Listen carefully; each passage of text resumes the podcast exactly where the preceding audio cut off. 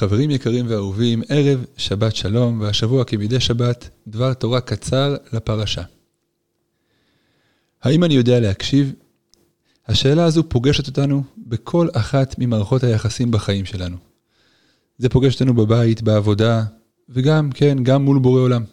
כי להקשיב זה לא רק לשמוע. להקשיב זה דורש להתפנות.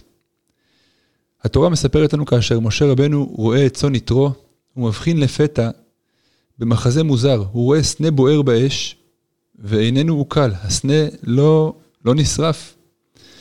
וכאן כותבת התורה, אומר משה רבנו, אסור נא ואראה, מדוע לא יבער הסנה. המילה לסור, הביטוי לסור, אומר הגאון מווילנה, מבטא תזוזה מנקודה לנקודה, כי משהו מפריע לי בנקודה הראשונה.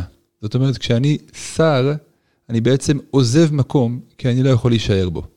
המטרה של ההליכה זה לא להיות איפה שהייתי. לעומת הביטוי שר, אומר הגאון מווילנה, לגשת זה ביטוי הפוך. כשאני ניגש למקום, אני זז מנקודה לנקודה, לא כדי לא להיות פה, אלא כדי להגיע לשם. בעצם אפשר לומר שכשאני שר, אני שר מה.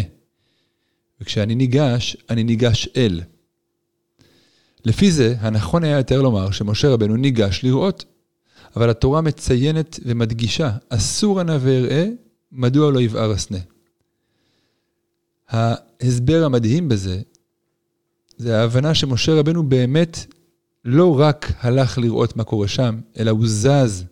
הוא זז מכל מה שהוא ידע. משה רבנו היה, כפי הנראה, הוא גדל בבית פרעה, הוא היה בקיא גדול בתורות הכישוף השונות, הוא היה בקיא גדול בחוכמות רבות, וכשהוא מגיע לסנה והוא רואה איזה מחזה שקצת תמוה בעיניו מבחינה מדעית, הוא יכל לבוא אליו עם כל המדע ולנסות להבין ולפרש איזה כישוף זה, אולי זה ככה, אולי זה כישוף ההוא, מי יודע איזה מכשף עשה את זה, אבל משה רבנו הבין שלפניו מחזה אלוקי, והוא לא מנסה בכלל להבין את זה בכלי הכישוף.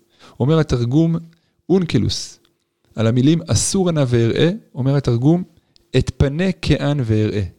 משה רבנו מתפנה מכל מה שהוא יודע, הוא זז מכל הידע הקודם שלו. הוא מגיע פנוי, הוא מגיע נקי, הוא מגיע באמת להקשיב למה שיש לאלוקים לומר לו. הוא לא מנסה לפרש, להבין, אה, להטות, להכניס את המסר שמולו לתוך השבלונה שלו, אלא הוא באמת מנסה להבין מה עומד מולו. הקשבה אמיתית זה רק עד כמה אני באמת פנוי מעצמי. לא מנסה לפרש את דברי השני, לא מנסה לענות, לפתור, לתרץ, אלא באמת קשוב למה הוא רוצה להגיד לי, מה באמת מציק לו, מה עומד בליבו. ולזה אדם צריך לדעת, דרוש התפנות, דרוש הקשבה מסוג אחר, לא רק לשמוע.